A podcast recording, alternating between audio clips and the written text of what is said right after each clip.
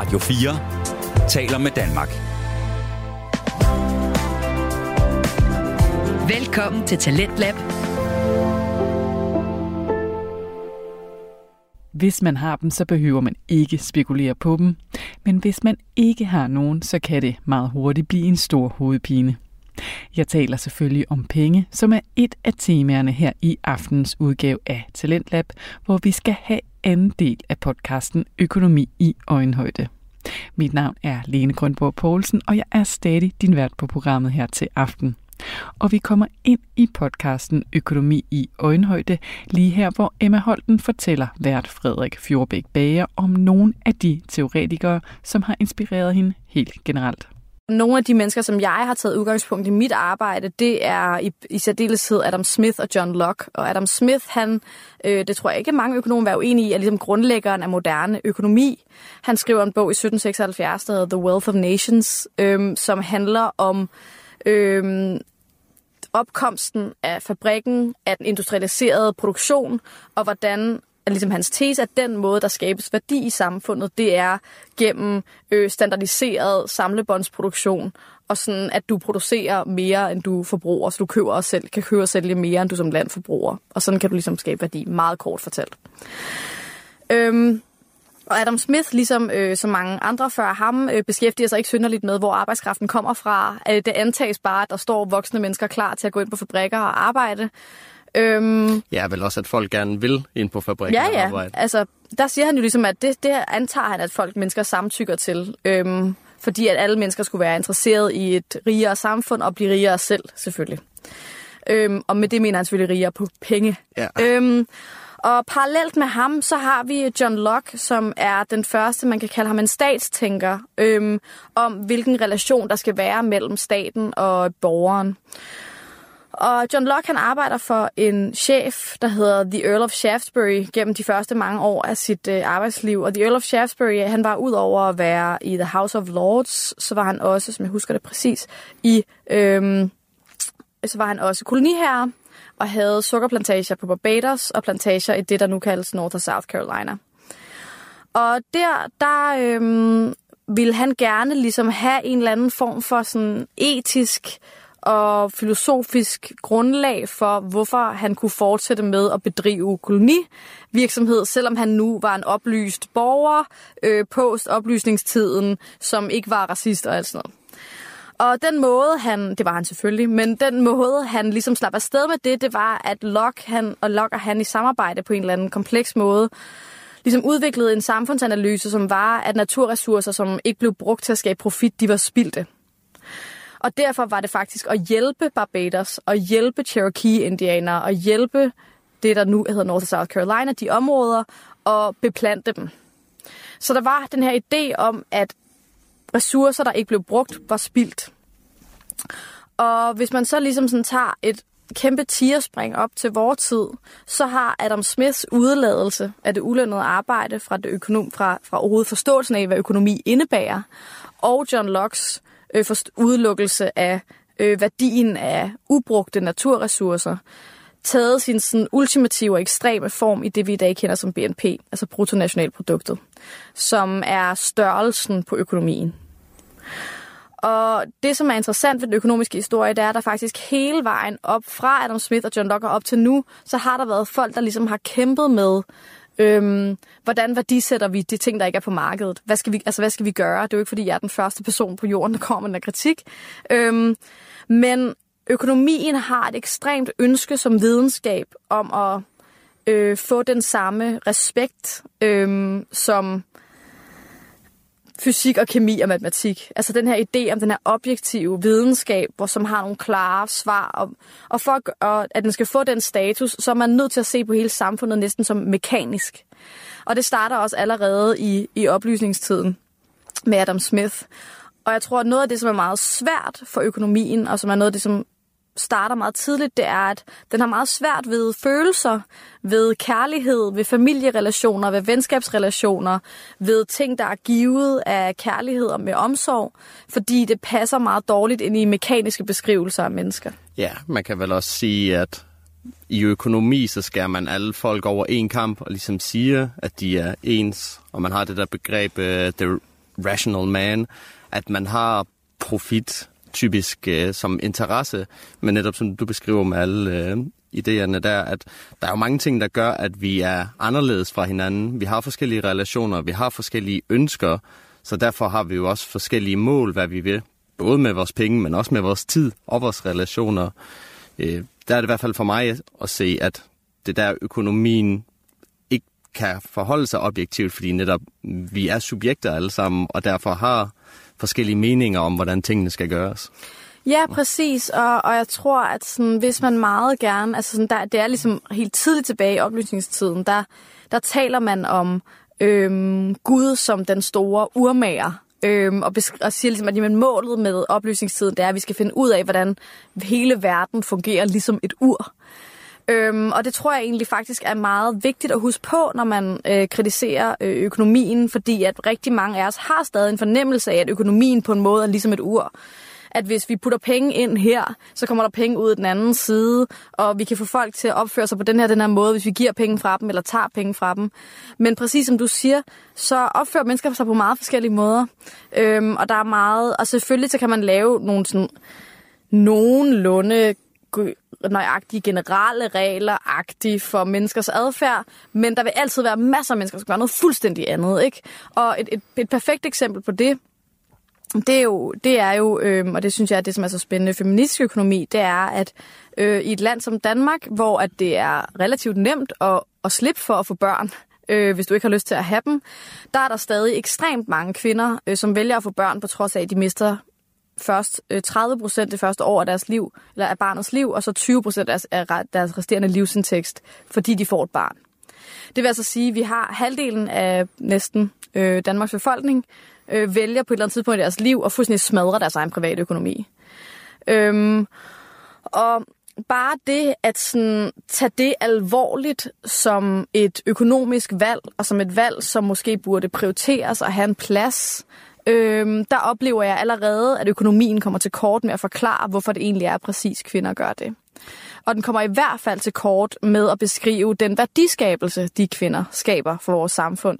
Fordi at man udelukkende ser øh, fravær fra det lønnede arbejdsmarked som et underskud. Og det giver god mening. Øhm, men der kan man vel også dele det op i, så at man har markedet, der har en værdisættelse, og så har du, øh, nu kalder det bare hjemmet, hvor du har en anden værdisættelse. Fordi netop, okay, der må jo være noget værdi i hjemmet, der gør, at du vil fraprioritere den værdi, der kommer ud det af at være på man, markedet. Ikke? Det tænker man. Mm. Det skulle man tro. Men så kan det jo godt lyde i mine ører som om, at feministisk økonomi gerne vil blande de to sfære, som egentlig er adskilt mere eller mindre lige nu. Hvorfor ville det være en god idé at blande dem, i stedet for at holde dem fra hinanden? Altså, jeg tror, at økonomien er ekstremt dårligt ekviperet til at værdisætte omsorgsarbejde. Det tror jeg aldrig, den vil være i stand til. Af den simple årsag, at økonomien som en af sine grundkrav har det, der kaldes kræver det, som kaldes kommensurabilitet. Altså det vil sige, at der skal være en pris, som kan matche med noget andet. Altså det vil sige, at hvis du har en banan, der koster 2 kroner, så har du også øh, 6 stykker tyggegummi, som du kan få for 2 kroner, og de har den samme pris. Det, der er problemet med omsorgsarbejde, det er, at det er meget, meget svært at finde kommensurabilitet for øh, at sidde med dit barn i to timer, for eksempel. Øh, hvordan skal du matche den værdi med et stykke arbejde på, på det lønnede arbejdsmarked? Fordi du får noget ud af det, dit barn får noget ud af det. Det, det er ikke kun dig, der giver, du tager også på samme tid. Og, og jeg tror, at sådan, der er økonomien bare rigtig dygtig til at beskæftige sig med knappe ressourcer. Jeg har en banan, jeg giver dig en banan, og for den får jeg to kroner, og så får du en banan. Men med omsorg, så er det noget fuldstændig andet, fordi du giver også og tager på samme tid. Du giver omsorg, men du får også noget tilbage. Og det vil sige, at en pris vil altid være meget misvisende, fordi at det vil måske kunne afspejle, måske vil vi kunne finde en pris, der kan afspejle, hvad samfundet får ud af det. Og det kan måske være meget smart, men den pris vil stadig ikke kunne indbefatte, hvad mennesket får ud af det. Og det der jo, sådan er det jo mange, der allerede har det med priser på markedet. At man kan sige, ja, okay, den her kjole koster øh, 500 kroner, men den skaber enten meget mindre eller meget mere glæde for mig. Øhm, så jeg tror ikke nødvendigvis, at den feministiske økonomis mål er at sige, jamen nu skal alting have en økonomisk pris. Nu skal der sendes kroner og øre på, hvor meget vi tjener, når vi vasker op og alt sådan noget. Det, der er problemet for det samfund, vi er i lige nu, det er, at hver gang du øhm, skal artikulere et politisk mål, så skal du også artikulere det som en økonomisk gevinst. Og det vil sige, at hvis jeg for eksempel, som jeg gør, øh, politisk som aktivist, efterspørger mere fritid, øh, så vil jeg altid blive spurgt sådan, jamen, hvor skal pengene komme fra til det? Hvem, hvordan skal vi betale det? Og derfor så står vi i en meget, meget kompleks situation nu, fordi at økonomien er ligesom næsten det eneste sprog, som vi kan artikulere politiske krav ud fra. Altså, du er nødt til at kunne oversætte det til økonomiens sprog, hvis du skal have succes med et politisk krav. Øhm, og det er også noget, der gør det meget svært at beskæftige sig med, politisk, med feministisk økonomi, fordi at jeg har ikke lyst til at sætte pris på alting, men jeg har meget svært ved at se, hvordan jeg skal opnå de ting, jeg ønsker, uden at frame det som en politisk gevinst. Og noget af det, som jeg snakker om i mine foredrag, det er, at det problem, som mange feminister og som mange klimaaktivister står i, det er, at det, vi ønsker os, kommer altid til at se ud som et tab. Det kommer altid til at se ud som et underskud, fordi hvis vi ønsker at mindske mængden af markedsaktivitet, så ser det ud som om, at vi har taget noget fra mennesker. Men det, som er vores opfattelse, er jo, at det måske kunne give mennesker noget andet. Men det er meget, meget svært at artikulere, fordi at økonomien vil altid, eller i hvert fald indtil videre, som verden ser ud lige nu, er økonomien ligesom, og hvorvidt noget skaber økonomisk gevinst eller ej, det er ligesom lakmustesten for, om noget er værd at gøre eller ej. Prøv, hvad mener du med det? at så snart noget kan frames som en økonomisk gevinst, så bliver det også framet i min optik som en menneskelig og politisk gevinst. Så det vil sige, at hvis man for eksempel gør et eller andet, øh, skærer ned, for eksempel har vi lige fået en ny kommunalaftale i Danmark, ikke? Øhm, og der, det, den kommer til at blokere for bygningen af nye folkeskoler. Der kommer til at være markant mindre, med færre mennesker, der tager sig af de ældre, og der kommer ikke til at være flere pædagoger på stuerne i nogle kommuner i Danmark. Det her bliver framed som en, og nu laver jeg sådan nogle gåseøjne, men det kan I ikke se, for det er i radioen, øhm, som en ansvarlig politik, fordi den er økonomisk inden for råderummet, som man kalder det. Mm. Men jeg vil sige, fra et feministisk perspektiv, så er det dybt uansvarlig politik, fordi vi ikke ser de ting, vi taber, når vi fjerner omsorg fra samfundet. Øhm, og det, jeg mener med det, det er, at så længe, sådan som politik ser ud nu, så længe noget kan fremstilles som økonomisk ansvarligt, altså som en økonomisk besparelse, så bliver det set som en god politisk beslutning. Så bliver det set som en ansvarlig politisk beslutning. Og det samme gør sig gældende med øh, klimatiltag. Ikke? Altså en ny motorvej, hvis vi kan, det kan forsvares, øh, fordi det kommer til at øge mængden af pendlere og øge mængden af sådan, økonomisk aktivitet, så bliver det set som godt. Og det er fordi, at de, grøn, de miljømæssige tab, dem ser man ikke. Og det samme gør sig gældende med omsorgsmæssige tab, at man ser dem ikke. Man, det, er en, det er en regning, som er meget, meget langsigtet. Øhm, og det tror jeg er, er den største udfordring i forhold til at lave aktivisme om feministisk økonomi. Det er, at vi beskæftiger os med at forsøge at tænke meget langsigtet. Øhm, og for mig er der desværre indbygget i vores økonomiske system en ekstrem kortsigtethed. Fordi man beskæftiger sig med økonomiske regnskaber inden for det næste kvartal eller inden for det næste år. Og hvis du ser på bare på et menneskeliv, er, er det jo meget, meget kort tid. Og hvis du ser på et planets liv, er det ekstremt kort tid. Bestemt. Og man kan vel også sige, at i forhold til øh, det politiske værk, altså de tænker jo måske typisk inden for fire år, fordi de jo netop skal have noget, der giver gode resultater til næste valg, eller i hvert fald indtil næste valg. Øhm, jeg har lige først øh, en kommentar og så spørgsmål. Øhm, kommentaren det er egentlig det der i forhold til værdisættelse af omsorgsarbejdet. Øhm, en tanke, jeg gerne vil dele med dig. Da der var Black Friday sidste år, så fik jeg nemlig den tanke, der, der det, det er pudsigt at tænke på, man kan spare det her herover, man kan spare det der derover. Øhm, kan man få 25 procent på en pædagog? eller på en sygeplejerske? Altså, er det muligt der at give ekstra for pengene? Fordi det er det jo selvfølgelig ikke, fordi de giver allerede max, kan vi sige. øh, mens det kun er ved markedet. Og det er jo egentlig også lidt for skruet, at de så kan tillade sig visse dage at skrue maks ned for prisen. At det viser jo også, at systemet ligesom er skruet sammen til at ja, være profitsøgende i stedet for øh, med flere mekanismer, mens det omsorgsfulde arbejde ja, netop ikke profitsøgende. Det er jo mere øh, ja, omsorgssøgende, kunne man jo så sige. Øhm. Ja, og jeg tænker i hvert fald også, at sådan, det er det, som er meget, som jeg tror, at meget af markedet har svært ved.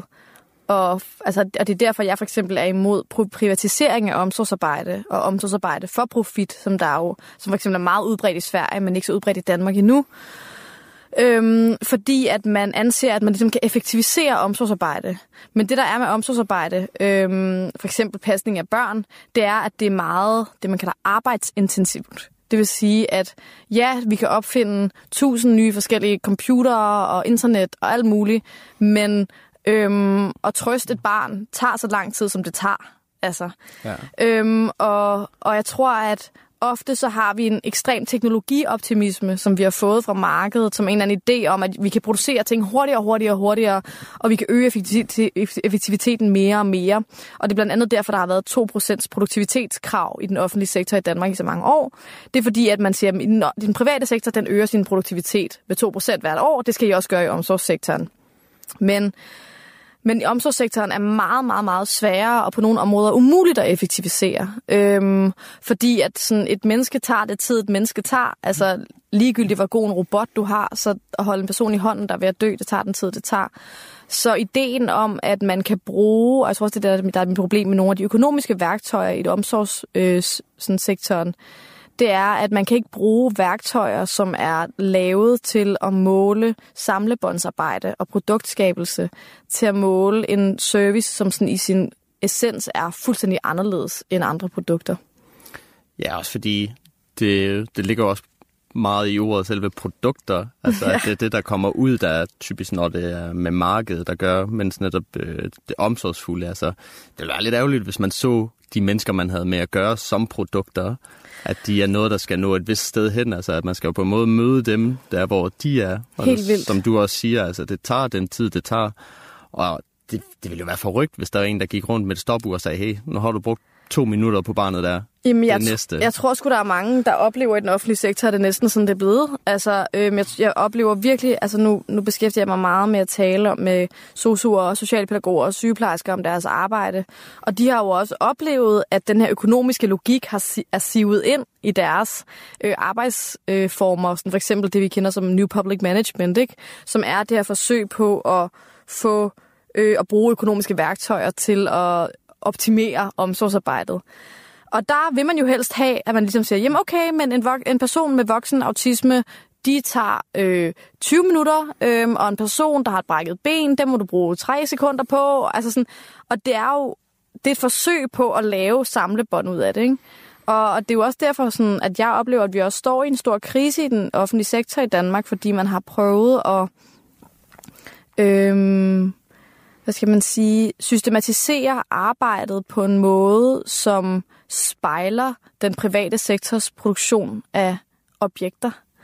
Øhm, og troet, at det ville være en effektivisering, men faktisk har det endt med, tror jeg, øhm, at koste os en masse penge.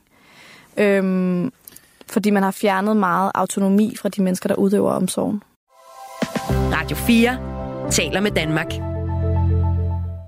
Emma Holten får en lille pause her, mens jeg siger, at du lytter til Talentlab på Radio 4. Mit navn er Lene Grønborg Poulsen, og jeg er din vært på programmet i dag, hvor jeg har udvalgt et par af de bedste fritidspodcast herhjemme til dig. Og den, som vi lige nu er i gang med at høre, den hedder Økonomi i øjenhøjde. Og her taler vært Frederik Fjordbæk Bager med Emma Holten om det, hun kalder feministisk økonomi. Frederik Fjordbæk Bager han peger her på, at vores tilgang til drift i den sociale sektor i dag også måske kan have kostet kvalitet på flere områder. Kvalitet har det nok også kostet i rigtig mange henseender. Øh, I hvert fald for velfærden. Og det har jo nok en sammenhæng med det her med, at man måske har fået folk ind, der har øh, været rigtig excellente i det private marked, og så tager man dem over i det offentlige og spørger, jamen kan I ikke gøre lidt det samme her? Altså kan I ikke gøre os til en god forretning eller en god virksomhed. Øhm, men der kommer jo problemet så bare, at så bliver det lige pludselig profit, eller den der, hvad skal vi måle det på? Hvordan finder vi ud af, at vi har en god virksomhed? Og så kommer det jo typisk bare på bekostning af kvaliteten, når det skal være kvantitet i stedet for. Ja, også fordi, at du kan jo ikke, øhm, i, det, i den offentlige sektor kan du jo ikke øh, vælge en anden udbyder. Så vi får jo faktisk ikke rigtig nogen oplevelse af, hvorvidt folk oplever en kvalitetssænkning. Ja. Øhm, vi får bare at vide, jamen det er skide godt, vi har behandlet 2.000 flere på det her sygehus, end vi gjorde sidste år, så det er en uddelt succes, ligesom. Men vi har ikke nødvendigvis nogen måde at måle på, jamen oplevede folk, at de havde en god oplevelse, kom de tilbage 2-3 år efter med det samme problem, hvis de havde mm. været der mm. længere, så kunne de måske, altså, der, der er en enorm, og det er jo igen det her med, hvad er vi i stand til at måle? Og jeg tror virkelig ikke, man vil undervurdere, at enormt meget af den feministiske økonomis kritik af den måde, man kan man sige, som økonomiske værktøjer bliver brugt, øhm, det er den her idé om, at man tror, man kan måle alt med de værktøjer. Og man tænker, jamen hvis vi kigger på en økonomisk måling, så får vi et billede af, hvorvidt det går godt eller dårligt. Og der vil vi ligesom sige, jamen der er faktisk enormt meget, der ikke kommer med i de målinger. Kvalitet, trivsel, øhm, jamen altså ja, livskvalitet, øhm, men også selvfølgelig ødelæggelse af naturressourcer. Øhm, vi har i Danmark, mange ser den danske økonomi som en stor succes, øhm, men når man ser på, hvordan den rovdrift, som danske liv driver på jorden, så tænker man ikke, det er en stor succes. Hvad tænker du på der? Jamen, der tænker jeg for eksempel på, at hvad er det, Dan at World Overshoot Day for et land som Danmark, det er 23. marts. Ikke? 23. marts, der har vi opbrugt alle de ressourcer, vi egentlig måtte bruge i løbet af et år. Øhm, og det gælder olie, det gælder øh, tøj og alle sådan nogle ting. Ikke? Ja, altså for at holde det inden for bæredygtighedens grænser. Præcis. Altså, det vil sige, at øh, jeg tror, nu skal jeg lige huske, hvad reglerne præcis er, men det er, hvis alle på jorden levede ligesom danskere, så vil alle årets ressour- alle ressourcer for et helt år være opbrugt den 23. marts.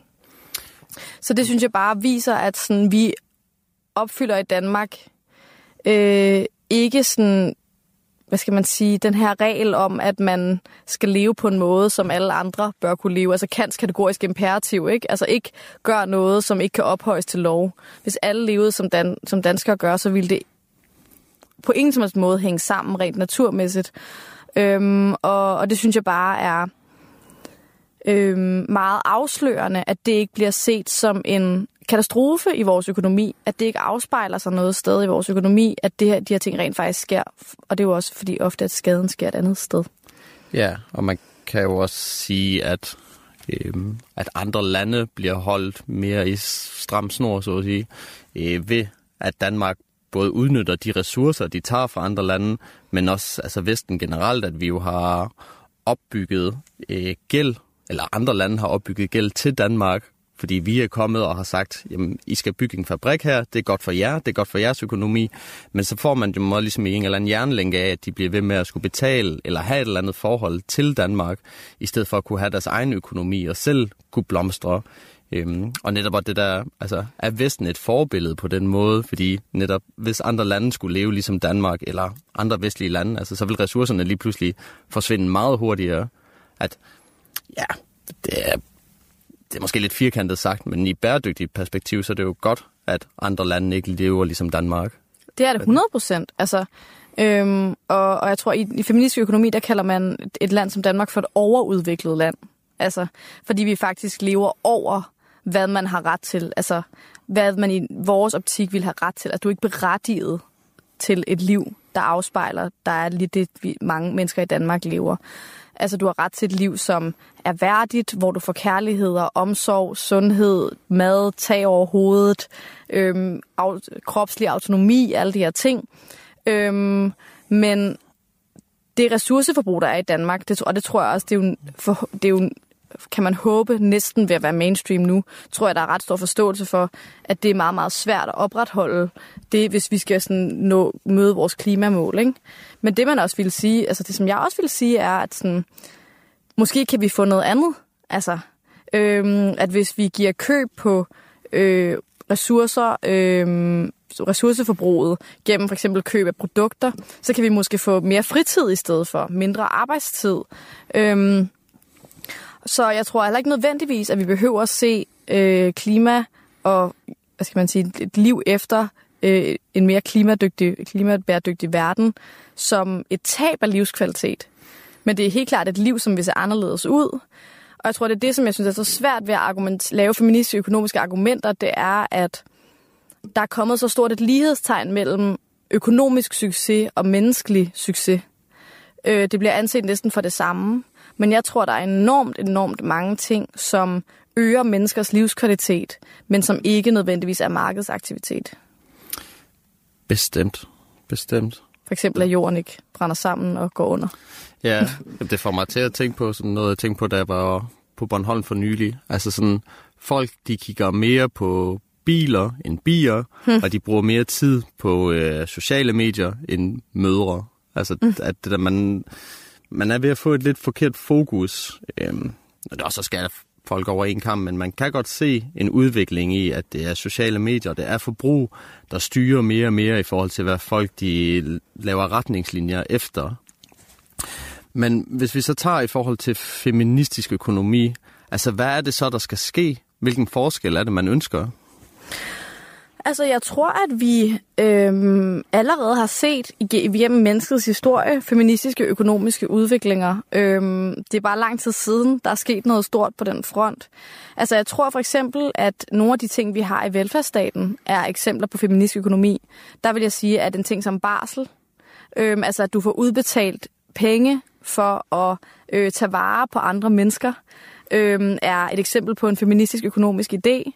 Øhm, jeg vil sige, at ting som øh, socialiseret øh, sygepleje, altså at man har ret til, øh, som i et land som Danmark, at blive øh, undersøgt og behandlet, hvis man er syg. Øhm, alle de ting er eksempler på ting, som er baseret på i høj grad mange feministiske økonomiske idéer. Øhm, så jeg tror, at selvfølgelig vil en mere feministisk økonomi skabe store forandringer for os, men jeg tror heller ikke, man skal sådan nødvendigvis sådan sige, at det er alt for vilde ting sammenlignet med, hvad vi har opnået i menneskeheden før. Altså i Danmark, der fik vi fri om lørdagen i 1922, ikke? Øhm, det var en stor udvikling, men i dag virker det helt utænkeligt, at vi skulle få fri om fredagen, på trods af, at Danmark er meget rigere, end vi var dengang. Ikke? Og det samme gør sig gældende med velfærd. Altså, Øh, vi fik velfærd til hele kroppen i 60'erne og 70'erne. Vi fik øh, pension, folkepension og børnehaver og vuggestuer og sådan noget. Men at få velfærd til tænderne nu virker også utænkeligt. Det er der pludselig ikke råd til. Så jeg synes, at selvfølgelig så øhm, går vi nogle store forandringer i møde, men mange af de ting, som aktivister som jeg efterspørger, er faktisk udvidelser af ting, der allerede eksisterer. Øhm, og jeg tror, at noget af det, som jeg oplever, som havde, har været den mest negative konsekvens af den rolle, som det økonomiske sprog har fået i politik, det er, at jeg oplever, at det har mindsket vores følelse af råderum. Altså, det har mindsket vores følelse af, hvad der er muligt. Øhm, at ting, som arbejderbevægelsen og kvindebevægelsen bad om, for 100 år siden som en selvfølge og rent faktisk opnåede, det virker, det når jeg fortæller mine venner om det i dag, så tænker de, siger de, det kommer aldrig nogensinde til at ske det der. At vi tror simpelthen, at mindre er muligt, end man gjorde for 50 eller 100 år siden i dag. Mm. På trods af, at BNP i Danmark er steget med altså sådan 400 procent eller sådan noget siden 60'erne, at vores produktivitet er steget med 280 procent. Så jo rigere vi er blevet, jo mindre føler vi er muligt at forbedre ved vores liv, og det synes jeg er noget meget, er meget underligt og paradoxalt og påfaldende. Rigtig meget. Og også øh, noget, vores generation i hvert fald skal konfrontere, fordi vi netop står et rigtig godt sted i forhold til velfærd. Men som du også var lidt inde på, altså der er mange ting, der er negative ved den side, eller som er sammenhængende der, altså at vi er mere stresset. Øh, netop som du siger nu, at vi måske føler, at vi har mindre magt i forhold til vores samfund, hvad vi overhovedet kan få igennem.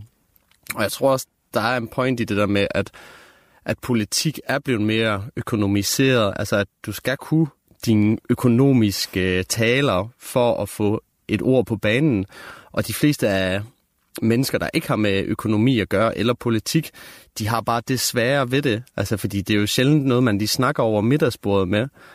Og det er super, det er super komplekst, altså. Det er sådan, jeg har brugt virkelig lang tid på at sætte mig ind i det, øhm, og laver stadig fejl og sådan noget, øhm, og ting, jeg misforstår og sådan noget, men der er også bare sådan, Og jeg tror også, at, at det er derfor, jeg mener, det er meget vigtigt at huske, at, sådan, at der kan også være en vis magtudøvelse i det der med at sige, at det er så svært. Altså, øhm, fordi at, at noget af det, som jeg har erfaret, det er sådan, ja, økonomer, altså de er kloge, og de er rigtig dygtige og sådan noget. Men de er jo ikke en milliard gange klogere end en sociolog eller en antropolog eller sådan noget. At der er, og det tror jeg måske i særlig grad har at gøre med det, man, kalder, det, man kan kalde økonometrik. Altså den matematiske del af økonomien. Den her idé om, at hvis du skulle udtale dig om økonomi, så skal du også kunne ekstremt kompleks matematik. Øhm, og det synes, vil jeg bare gerne understrege her for jer, der lytter. Det behøver man altså ikke. Det kan jeg jeg kan ikke finde ud af økonometrik. Jeg kan ikke forstå de der lange øh, ligninger, de laver, der skal beskrive, hvad der sker, når man udveksler en kontrakt.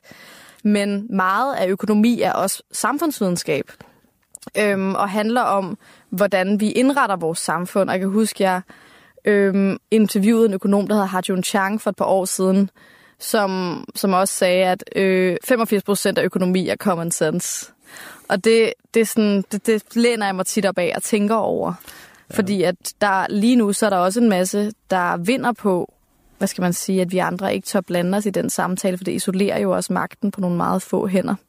Ja, nemlig. Og det er som om, at de der 15 procent, der så måske ikke er common sense, altså det er jo så det våben, der bliver brugt til at argumentere med. Og det, det sætter rigtig godt ord på, hvordan jeg selv har haft det for nylig. Øhm, fordi efter opstarten her podcast, så har jeg jo prøvet at snakke økonomi med øhm, så mange som muligt. Øhm, og der er rigtig mange gode samtaler, der kommer ud af det, men der er også rigtig mange, som bruger, hvad jeg vil kalde økonomiske våben, altså begreber og tal og idéer, der sådan, som, som en, der ikke er økonomiuddannet, så kan det svært at sige imod øh, og specielt hvis det er begreber, man ikke har hørt før. Så jeg begyndte at få en ny opfattelse af, hvordan jeg skal prøve at have sådan nogle samtaler. Altså i stedet for at prøve at komme op på deres niveau, og prøve at sige et eller andet, der kunne være lige så klogt, så egentlig skulle bede dem om at komme ned til mig. Altså, hvis vi skal have en meningsfuld samtale om det her, så er du nødt til at lægge de der begreber på hylden et øjeblik, og så er du nødt til at snakke med mig på en anden måde, så jeg kan forstå det, og så almindelige mennesker kan forstå det, fordi det er også der skal leve under konsekvenserne af, hvad økonomien på den måde, det foregår på. Så derfor er vi også nødt til at kunne have en ordentlig dialog om det. Og så kan økonomer og andre kloge folk jo så snakke sammen med høje begreber Ja, og jeg tror også, det er, bare, det er noget, som jeg virkelig tænker meget over, for jeg har en uddannelse i moderne kultur og kulturformidling. Og jeg tror, at det, som økonomer nogle gange undervurderer, det er, at de tror bare, at deres meget komplekse ord beskriver verden. Men de er jo også med til at skabe den. Altså hvis du ser på et ord som økonomien, altså som et begreb, øhm, der er det jo, du kan åbne en avis hvilken som helst dag, og så står der X, Y, Z er godt for dårligt for økonomien, det er dårligt for økonomien, det påvirker økonomien, økonomien vækster, økonomien går. Men hvis, altså, der er en super spændende politisk økonomisk historiker, der hedder Timothy Mitchell, som har beskrevet, at sådan, jamen, økonomien er også et normativt begreb. Altså hvad vi inkluderer i økonomien er også et kulturelt spørgsmål. For eksempel, hvis ikke vi inkluderer det ulønnede omsorgsarbejde som økonomisk aktivitet, så har vi jo faktisk taget en politisk beslutning om, hvad økonomien er. Og jeg tror, at noget af det, som, som jeg prøver sådan at måske sådan ryste lidt til økonomer med, det er, at jamen, de ser tit sig selv som, jamen vi bare beskriver. Vi beskriver bare, hvad der sker. Men så snart du sætter dig ned og bruger ordet økonomi, eller for eksempel som mange økonomer bruger, gør, bruger ordet positiv udvikling eller negativ udvikling, så øh, har du faktisk taget, lavet en normativ beslutning, som er med til at frame, hvordan vi opfatter visse udviklinger. Øhm, og det synes jeg er øh, rimelig sådan underbelyst. Altså jeg så for eksempel en, en ret sjov udveksling på, på Twitter i dag, tror jeg det var, hvor en økonom fra CEPOS anklagede en anden økonom fra CBS om at være for politisk i sine anbefalinger. Øhm, og at, hun, at det, den økonom, han anklagede for det, var ligesom ikke, han sagde bare sådan, hun blev ikke varedeklareret. Hun varedeklarerede ikke, at det var politisk, det hun sagde nu. Og så havde de noget frem og tilbage om det og sådan noget. Men jeg kunne bare ikke lade være med at tænke på, jamen, hver gang I sætter jer ind, så gør I noget politisk. Det gør I alle sammen. Ideen om, at der kan sidde en økonom sammen med en journalist og sige noget fuldstændig apolitisk, det, altså, det, det tror jeg simpelthen ikke er muligt. Jo, man kan ligesom sige, der er så mange mennesker, som er arbejdsløse. Men når man siger det, så bruger man jo også ordet arbejdsløs, som er et negativt lavet ord. Vi har en kulturel bestemmelse af, hvad det vil sige at være arbejdsløs. den gruppe med arbejdsløse indeholder alle mulige mennesker. Mennesker, der er kronisk syge, mennesker, der er fuldtidspasser deres børn, alle mulige. Så så snart du sætter dig ind og, bruger, og bruger begreber til at beskrive samfundet, så er du også med til at skabe samfundet. Og jeg tror, det er det, som mange økonomer ofte undervurderer. De tror, det er helt muligt at neutralt sidde og øh, lave vurderinger af, om noget går godt eller dårligt. Og det er det faktisk. Det er de faktisk ikke. Ja, også det er jo lidt pudsigt, at hvis økonomer skulle prøve at have sådan en neutral tilgang til det, Altså, det er jo sjovt, at der bliver fokuseret så meget på vækst og BNP, at det der, jamen, hvor, hvorfor må I vælge, hvad der skal fokuseres på, uden at det bliver alt for politisk, mens andre ting, ah, så bliver det lidt for politisk. Ja, alle vi andre, det er vi bare drevet af følelser, ikke? ja, ja. Radio 4 taler med Danmark. Du har tunet ind på programmet Talentlab, hvor jeg i aften spiller udvalgte fritidspodcast for dig. Mit navn er Lene Grundborg Poulsen, og jeg bliver sammen med dig, der lytter med, klogere på feministisk økonomi. Vi lytter nemlig til podcasten Økonomi i øjenhøjde, hvor vært Frederik Fjordbæk Bager taler med Emma Holten. Og du får sidste bid af podcasten for i aften lige her. Men for lige at runde den af så, altså, hvilke konsekvenser vil det have, hvis feministisk økonomi fyldte mere? Jeg tror i først og fremmest, at det vil kræve... Altså, jeg tror, at feministisk økonomi udfordrer vores samfund på mange forskellige måder. Det er sådan, vi er helt... Og det er derfor nok også, at folk kan blive vrede over det, eller bange for det. Fordi at vi, vi er stort set på alle elementer af samfundet. For eksempel så er vi jo i en situation lige nu, hvor at vores samfund er opdelt i en arbejdsdeling, der er ekstremt baseret på køn. Altså hvis du er en mand, og du får et barn, så ændrer det overhovedet ikke din arbejdstid i Danmark. Det ændrer faktisk, altså hvis du kigger på grafen over øh, mænd med og uden børns arbejdstid, så er der overhovedet ikke nogen forandring. Hvorimod at for kvinder, så synker deres arbejdstid øh, på det lønnede arbejdsmarked helt vildt. Vi har mange, mange flere kvinder i den offentlige sektor, øh, og mange flere mænd i den private sektor. Så vi har en arbejdsdeling, som er enormt baseret på, at mænd får værdi ved at have stor succes i den lønnede sektor. Det er ligesom de mænd, der får højst status, det er dem, vi hylder, det er dem, der får den højeste løn, øh, det er ligesom dem, vi ser som idealet for mænd. Og så har vi øh, en anden status for kvinder, hvor kvinder kan også få status i vores samfund ved for eksempel at være dygtige mødre. Øhm, og så er der ligesom en, en masse mennesker, som hverken er mænd eller kvinder, som er en lille, lille gruppe, men som på en måde prøver at udfordre de der roller. Øhm, og jeg tror, noget af det, som feministisk økonomi siger, det er sådan, jamen, vi fanger faktisk mænd og kvinder i nogle meget snævre roller øh, i økonomien, øh, og en masse mænd bliver snydt for retten til at drage omsorg, retten til at være sammen med deres børn, øh, og al den glæde, der kan komme ud af det. Og en masse kvinder bliver snydt for den selvrealisering og glæde og indtægt, der også er ved at have succes på det private arbejdsmarked. Og i den, den feministiske, eller i hvert fald velfærdsstrategien, har jo i mange år været at prøve at få kvinders liv til at ligne mænd så meget som muligt.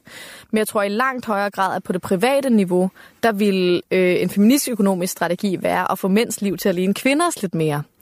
Giv mænd mere fritid fra arbejde, giv mænd mere tid til at være sammen med deres familie, øh, giv mænd mere tid til at drage omsorg. Øhm, og jeg tror, at noget af det, som jeg synes er fedest ved den feministiske økonomi, det er, at den prøver at opvurdere de ting, der traditionelt har haft den laveste status, og sige, at jamen, de jobs, der er dårligst lønnet i Danmark, sosu, pædagog, øhm, det er måske faktisk de vigtigste jobs. Og de jobs, der har den allerhøjeste løn, er måske faktisk nogle af de jobs, vi godt kan leve uden. Øhm, og, og den udfordring tror jeg er super, super vigtig. Altså at forstå, hvordan kultur spiller ind i øh, økonomi, og hvordan status spiller ind i økonomi. At løn påvirker status, men status påvirker også løn. Øhm, så jeg tror, at hvis vi fik en feministisk økonomi, så ville vi opleve, at det var nogle andre i vores samfund, der blev hyldet. Øhm, tænkeren David Graeber har engang skrevet, at øhm, jo tydeligere det er, at du hjælper et andet menneske med dit arbejde, jo lavere har din, din løn en tendens til at være. Øhm, og sådan tror jeg også, det er i Danmark, og det ville i hvert fald være noget, vi ville forandre. Men så tror jeg generelt, at vi ville fokusere langt mere på at prioritere øh, menneskelig velvære. Altså simpelthen, det vil simpelthen være et mål i sig selv. Øhm, og at økonomisk øh, vækst eller en øgning af økonomisk aktivitet ikke nødvendigvis er det samme som at øge menneskelig velfærd. Specielt ikke i et land som Danmark, hvor der er så ubeskriveligt meget rigdom. Ja, ja. Udmærket. hvis, ja, hvis vi lige skal snakke lidt mere feministisk økonomi, hvordan ser du så sammenhængen med det her med økologisk feminisme? Altså, hvordan kan de hjælpe hinanden? Eller hvilke paralleller der er? Ja, så jeg tror, som jeg også var inde på før, så tror jeg, at det første er ligesom det her med at forstå, at der er en masse ting, som er ekstremt vigtige for økonomien, men som lige nu er usynlige i økonomien. Og det er jo det her, det er omsorgsarbejdet, men det er også naturressourcer. Og lige nu er der en masse mennesker, øh, i særdeleshed mennesker i toppen af vores økonomiske system, som drager nytte af, at de får en masse ting gratis, som de derefter kan lave værdi af. For eksempel omsorgsarbejde og naturressourcer. Øhm, og det betyder, at der er ligesom også en vis magtkamp her. Altså snart vi begynder at synliggøre værdi, øh, så vil det også for eksempel mindske profit. Øh, hvis vi for eksempel sagde sådan, jamen prøv, hvis du gerne vil hive noget ud af en mine, så er du, så er den, du kan jo ikke bare tage ting fra en mine uden at betale for det. Så skal du ikke bare betale for at bygge øh, robotterne til at tage ting ud af minen, skal du faktisk også betale for de, til et land for de ressourcer, du tager fra dem. Så ville det jo kunne betale sig at drive minedrift, for eksempel.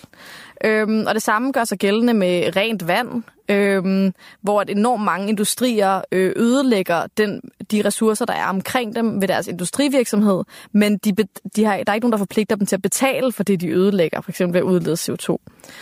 Øhm, og det samme gør sig gældende med omsorg, at hvis du driver en virksomhed i Danmark, så nyder du rigtig godt af, at der er en masse kvinder, som har en lavere indtægt, fordi de henter deres børn kl. 15.30 og passer dem og lærer dem at tale og gå. Og det er jo faktisk en service, som du lige nu får gratis. Øhm, det, at der kommer øh, veluddannet arbejdskraft ind ad din dør, det er blandt andet fordi, at nogle andre mennesker laver et stykke arbejde, som du faktisk ikke betaler for. Øhm, så der tror jeg, at sådan, det her med at synliggøre, hvordan at hvad man tæller, er faktisk ikke bare et spørgsmål om, øhm, jamen okay, vi kan tælle det her i en graf, eller det her i en anden graf. Hvad vi tæller som værende økonomisk værdifuldt, har spiller faktisk en rolle for, hvad der overhovedet bliver synligt, når vi tager politiske beslutninger. Hvilke konsekvenser, der bliver synlige. Og der synes jeg, det er helt tydeligt, at øhm, der bliver taget konsekvent politiske beslutninger, som øhm, har negative konsekvenser for naturens og menneskers reproduktion. Altså det her, den her usynlige aktivitet, der skal til for, at ting kan få lov til at komme sig. Øhm, fordi man tænker, at øhm, hvis noget ikke har en økonomisk pris, så har det ikke nogen værdi at det, at kvinder er mere mindre på i hjemmet og mere på arbejdspladsen, det er en gevinst, tænker man. Ikke? Men faktisk vil jeg sige, at det nok ville være et stort regnestykke tab for vores samfund. Øhm, og det samme kan man sige, som jeg også var inde på, for eksempel med motorvejen før. Ja, okay, man kan godt lave et økonomisk regnestykke for, at en motorvej er en gevinst, men det er jo nok fordi, at vi har meget svært ved at opgøre de måder, motorvejen påvirker vores natur. Så jeg tror, at noget af det, som jeg virkelig ville advokere for, det var, at politik blev evalueret på andre parametre end udelukkende økonomiske parametre, og udelukkende monetære parametre at man ligesom sagde, ja okay, nu skærer vi ned på folkeskolen. Nu laver, har vi endnu flere elever i klasserne. Det er selvfølgelig en økonom, altså det tror jeg, at kan sige, det er en økonomisk besparelse. Hvis du kan få en, en, en, en klasse til at have 50 elever i stedet for 24, så kan du have det halve antal øh, lærere. Det er rigtig smart, så er det meget øh, billigere. Ikke? Men hvis man spurgte en sociolog, en undervisningssociolog, eller en undervisningspsykolog, en uddannelsessociolog, så ville de være sådan et, mm, ja, okay, det kan godt være, at vi sådan på den korte bane ser ud til, at vi har sparet en masse penge, men vi har faktisk også en, en masse sociologisk forskning, der viser, at undervisningen bliver dårligere, øh, børnene kommer til at være mindre koncentrerede, øh, de kommer til at øh, have sværere ved at indtage viden, der kommer til at være mindre tid, lærer at leve imellem og alle sådan nogle ting. Og det kan vi selvfølgelig ikke opgøre præcist økonomisk. Fordi at det er meget, når du skal lave en økonomisk udregning, så skal du have præcis monetær omkostning for tab. Og du vil nok ikke kunne sige til en sociolog, okay, hvor meget koster det? De vil sige, jamen, for nogle elever vil det ikke betyde noget, for andre vil det betyde helt vildt meget. Men de vil sige, for nogle betyder det rigtig meget. Så jeg tror, at det vi skal væk fra, det er den her idé om, at du kan sætte præcise monetære omkostninger på hver eneste politiske beslutning. Altså det kan man simpelthen ikke. Nogle gange så handler det også bare om at tage en politisk beslutning. Okay. Nu svarer du lidt på det spørgsmål, jeg har nu. Ja. I forhold til, hvis feministisk økonomi skal blive mere succesfuldt, hvis den grønne omstilling skal blive mere succesfuld, altså økologisk økonomi, ja. hvilke kriterier ser du for dig, at det er noget, vi er nødt til at have mere af, eller lægge mere fokus på? Jeg tror i hvert fald, altså sådan, jeg bliver tit, af og til anklaget for at bare sådan nærmest ville slå alle økonomer ihjel, og sådan har jeg det bestemt ikke. Altså jeg mener, at der er ekstremt mange økonomer, som laver super, super vigtigt arbejde, og som jeg selv bruger. Men jeg synes, at den rolle, som økonomien har fået i politik, må jeg, må jeg sige, at jeg synes er, er virkelig skadelig på mange måder. Øh, fordi den er, står alene. Altså som, som videnskab står den alene. Vi har jo ikke noget i Danmark sociologisk råd, eller psykologisk råd, eller ligestillingsråd, eller antiracistisk råd, eller noget som helst. Det er ligesom kun økonomer, som får lov til at konsekvensvurdere politik. Og det tror jeg er virkelig, virkelig skadeligt. Altså, det tror jeg giver os nogle øhm, skævvredende analyser. Øh, for eksempel har jeg arbejdet med en, en masse med fødendes rettigheder i Danmark og forholdene på fødegangene. Og der har man jo haft 2% øh, produktivitetsnedskæringer, øh, ligesom man har øh, i alle andre dele af sundhedssektoren. Og det man bare har kunne se, det er, at ja, det har måske fra et økonomisk perspektiv set ud som en virkelig smart besparelse, men på, i det lange løb har det betydet, at mange af kvinderne har fået øh, problemer med inflammation, haft svære ved at arme, er blevet genindlagt oftere. Der er flere, som har udviklet fødselsreaktioner, fordi de ikke har følt sig klar til at få barnet, og ikke har følt sig ligesom, taget godt imod. Der er flere, som har fået fødselsdepressioner.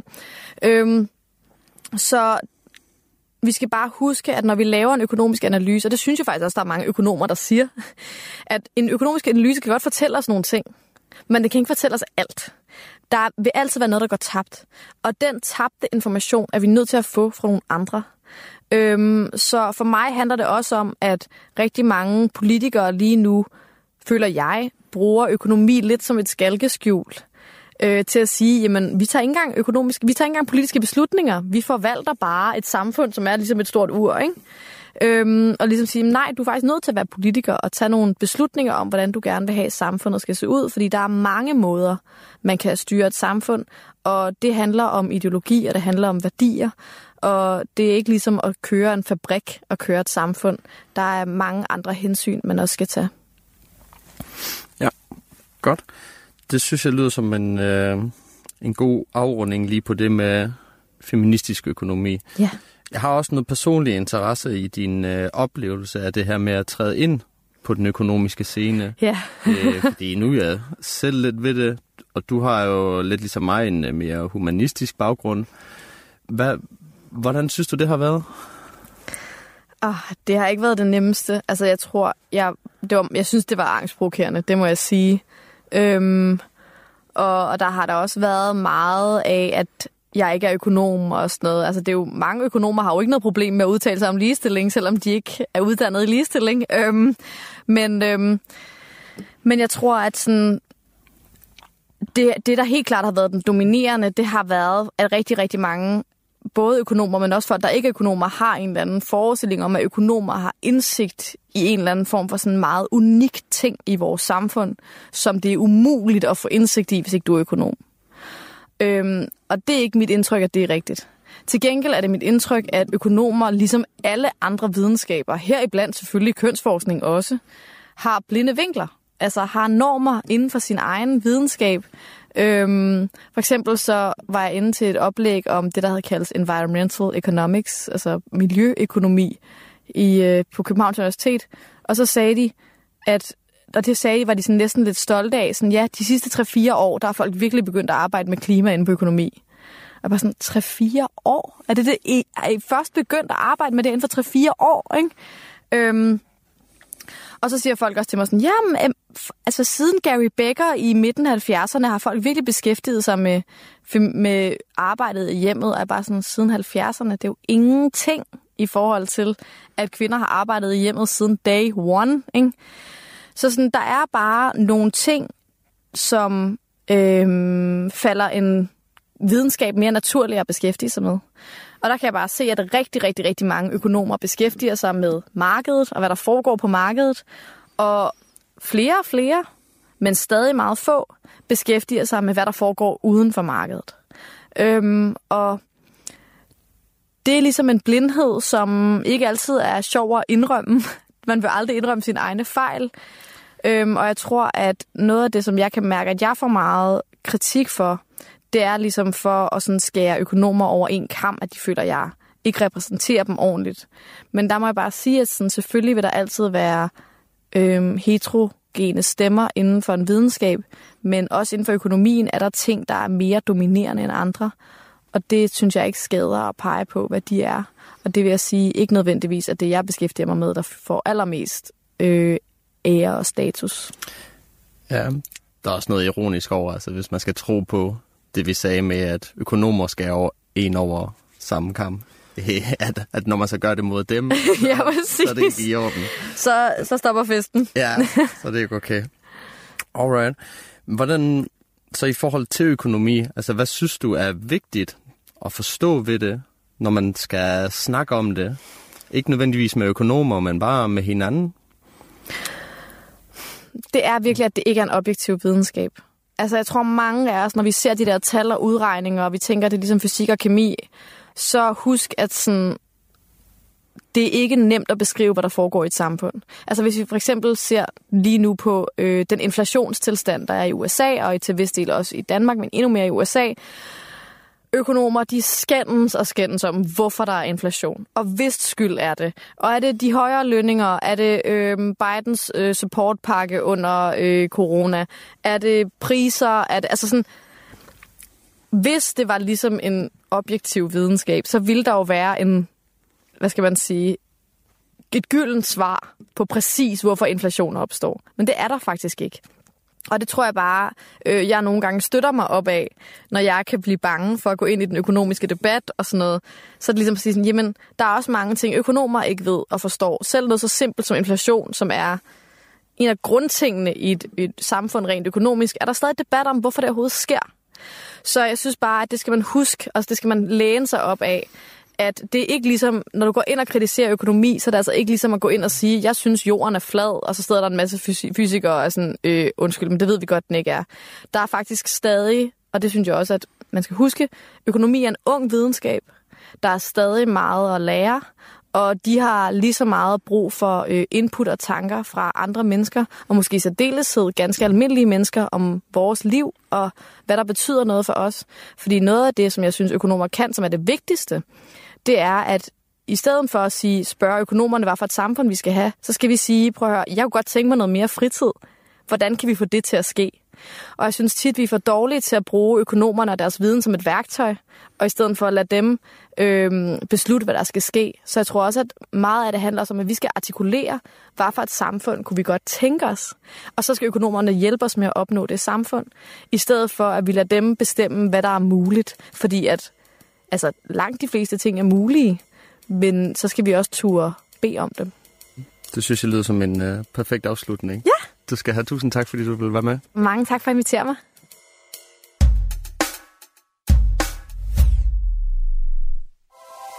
Radio 4 taler med Danmark.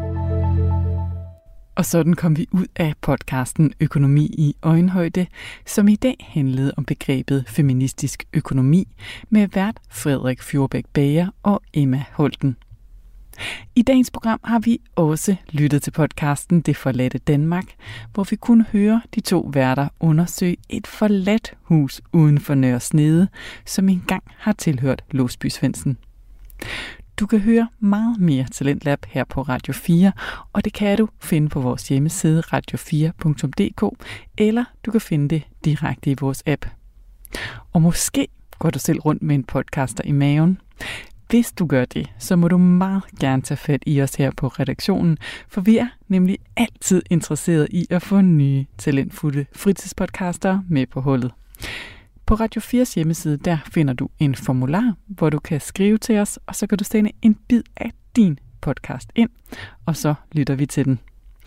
Jeg skal også huske at sige, at der på ingen måde er nogen krav til længde eller tema i det materiale, du sender ind.